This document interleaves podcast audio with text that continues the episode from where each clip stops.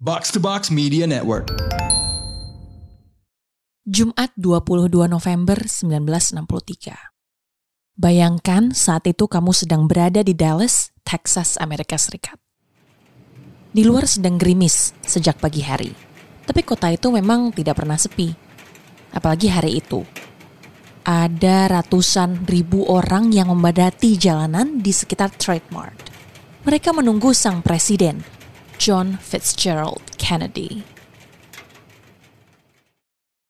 Mereka saat itu mungkin tampak sangat antusias dapat segera bertemu orang nomor satu di Amerika Serikat. Tapi di antara mereka yang hadir mungkin juga tidak pernah menyangka bahwa kesempatan hari itu adalah terakhir kalinya Kennedy tampil di hadapan publik.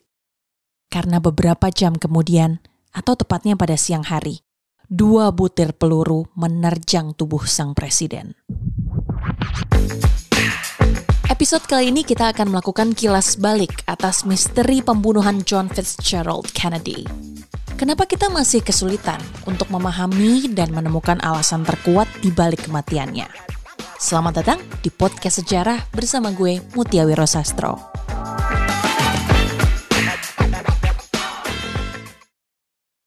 Memasuki pertengahan Desember 1963, rombongan Presiden Kennedy melakukan perjalanan ke sembilan negara bagian berbeda dalam waktu kurang dari seminggu. Umumnya perjalanan itu dilakukan untuk menyoroti perihal sumber daya alam dan konservasi. Tapi Kennedy juga menyuarakan pidato terkait pendidikan, keamanan, dan perdamaian. Agenda lebih spesifik terlihat ketika Kennedy hendak menyapa warga Dallas. Semuanya terkait dengan pemilu yang akan berlangsung setahun kemudian. Kennedy ingin mengonsolidasikan kekuatan di dalam Partai Demokrat. Besar kemungkinan dia akan menghadapi lawannya dari Partai Republik, yaitu Senator Barry Goldwater dari Arizona. Seandainya harus head-to-head, Kennedy mungkin yakin bisa menang atas Goldwater di Texas dengan mudah. Tapi ada masalah di dalam internal Partai Demokrat, yaitu perseteruan sesama kadernya di negara bagian Texas. Konflik yang bersifat faksionalisme itu melibatkan gubernur negara bagian Texas, John Connolly, dan Senator Ralph Yarborough. Singkatnya, Connolly itu morally conservative, sedangkan Yarborough lebih liberal. Hal itu dituturkan oleh Claudia Alta atau Lady Bird Johnson, istri dari wakil presiden Lyndon B. Johnson. Jika perseteruan antara Connolly dan Yarborough berlanjut, Demokrat dan Kennedy sendiri bisa-bisa akan kehilangan suara di wilayah Texas. Layaknya sebuah peribahasa, untung tak dapat diraih, malang tak bisa ditolak. Belum sempat mengonsolidasikan kekuatan partainya secara optimal, Kennedy menemui ajalnya siang itu mobil limosin kepresidenan yang dia tumpangi melewati jalan kawasan Dealey Plaza. Ledakan terdengar. Dari arah Texas School Depository, ada dua butir peluru yang menerjang tubuh Kennedy. Butir pertama mengenai punggung dan yang kedua menghujam kepala. Sang presiden terkapar. Dia dilarikan ke rumah sakit Parkland Memorial, tapi hanya selang sekitar satu jam Kennedy dikabarkan telah menghembuskan nafas terakhirnya.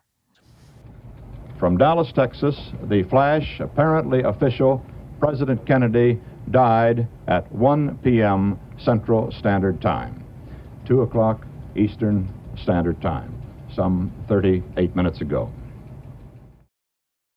John Fitzgerald Kennedy memang mati, tapi kenangan atas sosoknya terus hidup.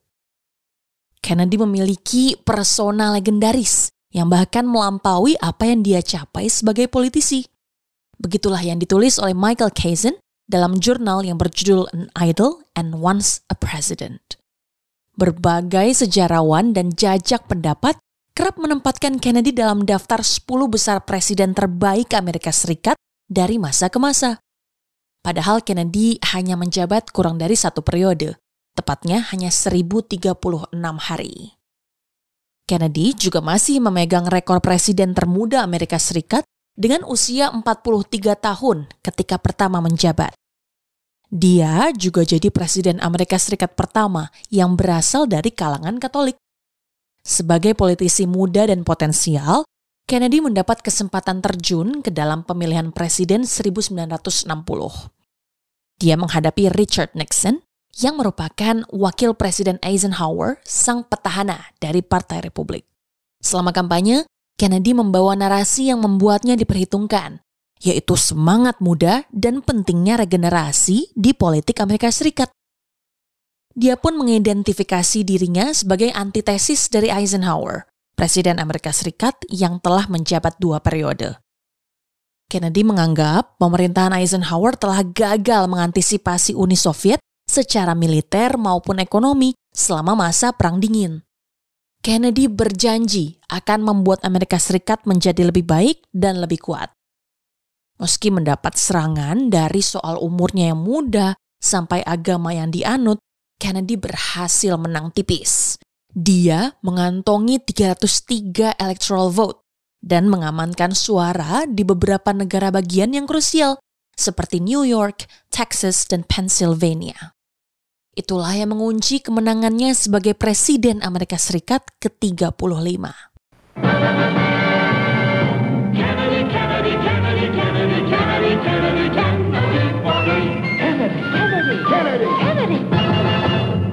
Menjalani hari-hari awalnya sebagai presiden, Kennedy mulai berusaha mewujudkan janji kampanyenya terutama persoalan dalam negeri.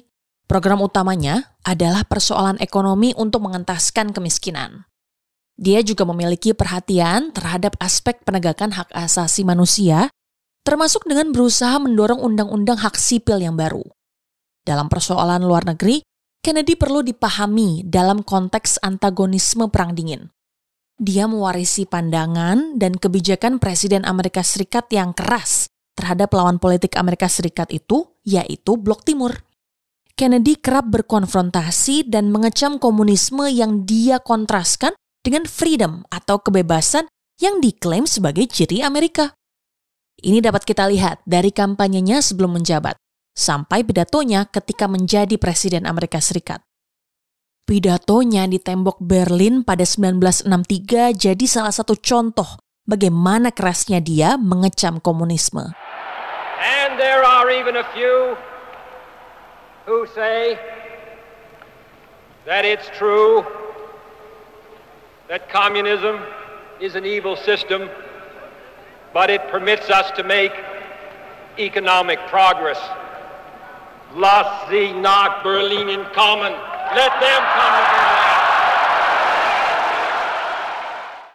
Sementara satu tindakan keras atau bahkan menjurus kasar sebelumnya pernah dilakukan Kennedy di masa awal kepemimpinannya. Tepatnya invasi Teluk Babi pada 1961. Dalam kesempatan itu, Amerika Serikat mendukung penggulingan Fidel Castro dari kekuasaannya di Kuba. Tapi semuanya berakhir gagal dan perlahan jadi bencana bagi Kennedy. Setahun setelah kegagalan invasi tersebut, krisis malah makin membesar. Krisis itu dikenal sebagai krisis nuklir Kuba. 13 hari krusial menentukan nasib Amerika Serikat dan bahkan dunia. Kuba, atas bantuan Soviet, memasang rudal bersenjata nuklir yang hanya berjarak sekitar 90 mil dari pantai Florida Selatan. Hal ini membuat dua blok antara Barat dan Timur yang biasanya hanya berperang dalam sistem proksi, jadi berhadapan-hadapan secara sangat dekat. Ketegangan luar biasa itu pada akhirnya menemukan penyelesaiannya. Meski di masa kampanye dan awal kepemimpinannya, Kennedy keras memusuhi komunisme, dia mau bersepakat menghentikan konfrontasi dengan syarat-syarat tertentu. Khrushchev akan melepas senjata rudal Uni Soviet di Kuba asal Amerika Serikat berjanji tidak menginvasi Kuba dan mereka harus membongkar instalasi misilnya di Turki. Syarat pertama Kennedy disepakati secara terbuka.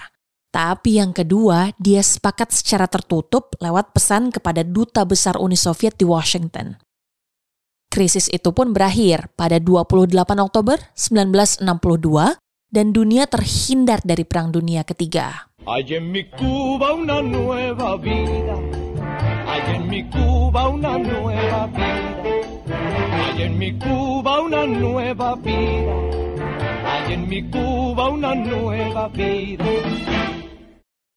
di tengah gemuruh kepemimpinan Kennedy yang dianggap dinamis dan cukup baik dalam menangani persoalan domestik dan luar negeri, kematiannya Kennedy gak cuma meninggalkan duka dan program dan tugas kepresidenan yang belum terselesaikan. Insiden penembakan itu juga meninggalkan misteri dan konspirasi yang belum terbukti sampai hari ini. Banyak buku maupun laporan yang telah diterbitkan untuk mengungkapkan apa yang menjadi motif utama dari pembunuhan sang presiden di Dallas. Salah satu upaya resmi adalah pembentukan komisi khusus atau tim investigasi The Warren Commission oleh Lyndon B. Johnson beberapa saat setelah dia dilantik jadi pengganti Kennedy. Laporan akhir dari The Warren Commission berakhir dengan kesimpulan yang tidak memuaskan berbagai pihak. Dalam laporan itu, Lee Harvey Oswald bergerak secara sendirian. Ini jauh dari ekspektasi masyarakat bahwa ada sosok lain di belakang sang eksekutor, dan dia masih berkeliaran di balik bayang-bayang. Namun, permasalahannya, The Warren Commission sulit menemukan fakta-fakta lainnya karena Lee Harvey Oswald sendiri juga dibunuh oleh seorang veteran angkatan darat, Jack Ruby, hanya beberapa waktu sebelum menjalani persidangan. Kematian Oswald membuat penyelidikan menemui jalan buntu. Informasi utama dari pelaku tidak bisa didapatkan. The Warren Commission sendiri menyimpulkan bahwa motif Jack Ruby membunuh Oswald berdasarkan dendam atas tindakan Oswald yang menewaskan Kennedy. Pertanyaan besar masih tersisa dan teori konspirasi jadi berkembang. Dave Perry yang menyusuri kisah kematian Kennedy sejak 1976 merinci bahwa ada tiga konspirasi populer yang membayangi kematian sang presiden. Pertama, konspirasi yang menuduh JFK dibunuh oleh wakilnya sendiri, LBJ, atau Lyndon B. Johnson. Kedua, konspirasi yang menuduh Uni Soviet ada di belakang aksi Lee Harvey Oswald. Dan ketiga, konspirasi yang menuduh Badan Intelijen Amerika sendiri atau CIA yang merancang semuanya tiga konspirasi itu punya kelemahannya tersendiri. Pertama, meski Kennedy dan LBJ tidak selalu akur, tidak ada bukti kuat yang tersedia. Dave Perry juga menyebut rangkaian keterangan yang menuduh LBJ hanyalah fabrikasi dari para pembencinya. Kedua, terkait keterlibatan Uni Soviet. Ini cukup populer karena Oswald dituduh dekat dengan Uni Soviet dan pro terhadap Fidel Castro. Tapi lagi-lagi, karena Oswald sudah dibunuh sebelum pengadilan, tidak ada keterangan atau bukti yang konkret. Lagi pula, seandainya Uni Soviet betul yang merancang itu semua, insiden tersebut dengan mudah akan memicu Perang Dunia Ketiga. Ketiga atau terakhir, ini teori konspirasi yang menurut Dave Perry paling menarik karena menyebutkan Kennedy dibunuh oleh orang dalam pemerintahannya sendiri, yaitu CIA hubungan Kennedy dan CIA dianggap tidak berlangsung baik. Dia sempat memecat direktur Alan Dulles setelah kegagalan invasi Teluk Babi dan lalu dia juga memotong anggaran badan intelijen tersebut sebesar 20%. Kennedy juga dinilai terlalu soft dan tidak keras ketika melawan Blok Timur seperti janji kampanyenya. Konspirasi ini kemudian merangkai fakta bahwa Alan Jules menjadi anggota The Warren Commission yang menyelidiki pembunuhan Kennedy. Allen dituduh sedang menutupi dan melindungi ex-institusinya dengan mendorong terciptanya laporan yang terburu-buru dalam kasus yang sangat kompleks. Hasilnya, misteri masih tersisa. Kasus dan investigasinya sudah ditutup nyaris 60 tahun lalu, sementara banyak yang belum terjawab secara jelas. Pada 2017, Donald Trump sebagai presiden yang menjabat memang sempat mendeklasifikasi dokumen terkait pembunuhan Kennedy. Tapi dokumen yang dibuka itu tidak serta-merta berisi fakta baru atau informasi yang dapat membantu menemukan titik terang. Tidak semua dokumen yang dirilis juga menjadi konsumsi publik. Atas alasan keamanan, sebagian dokumen masih disimpan. Dan kejelasan kasus pembunuhan ini pun masih dihiasi pertanyaan serta rasa penasaran yang entah bisa dijawab kapan. Begitulah cerita di balik kepresidenan Kennedy, bagaimana kiprah politiknya, dan misteri di balik pembunuhannya. Sampai hari ini kita belum bisa mengetahui motif sebenarnya di balik tindakan Lee Harvey Oswald ketika dia menarik pelatuk dan menyarangkan dua butir peluru. Gue Mutia Wiro Sastro pamit. Jangan lupa follow dan kasih rate podcast sejarah di Spotify.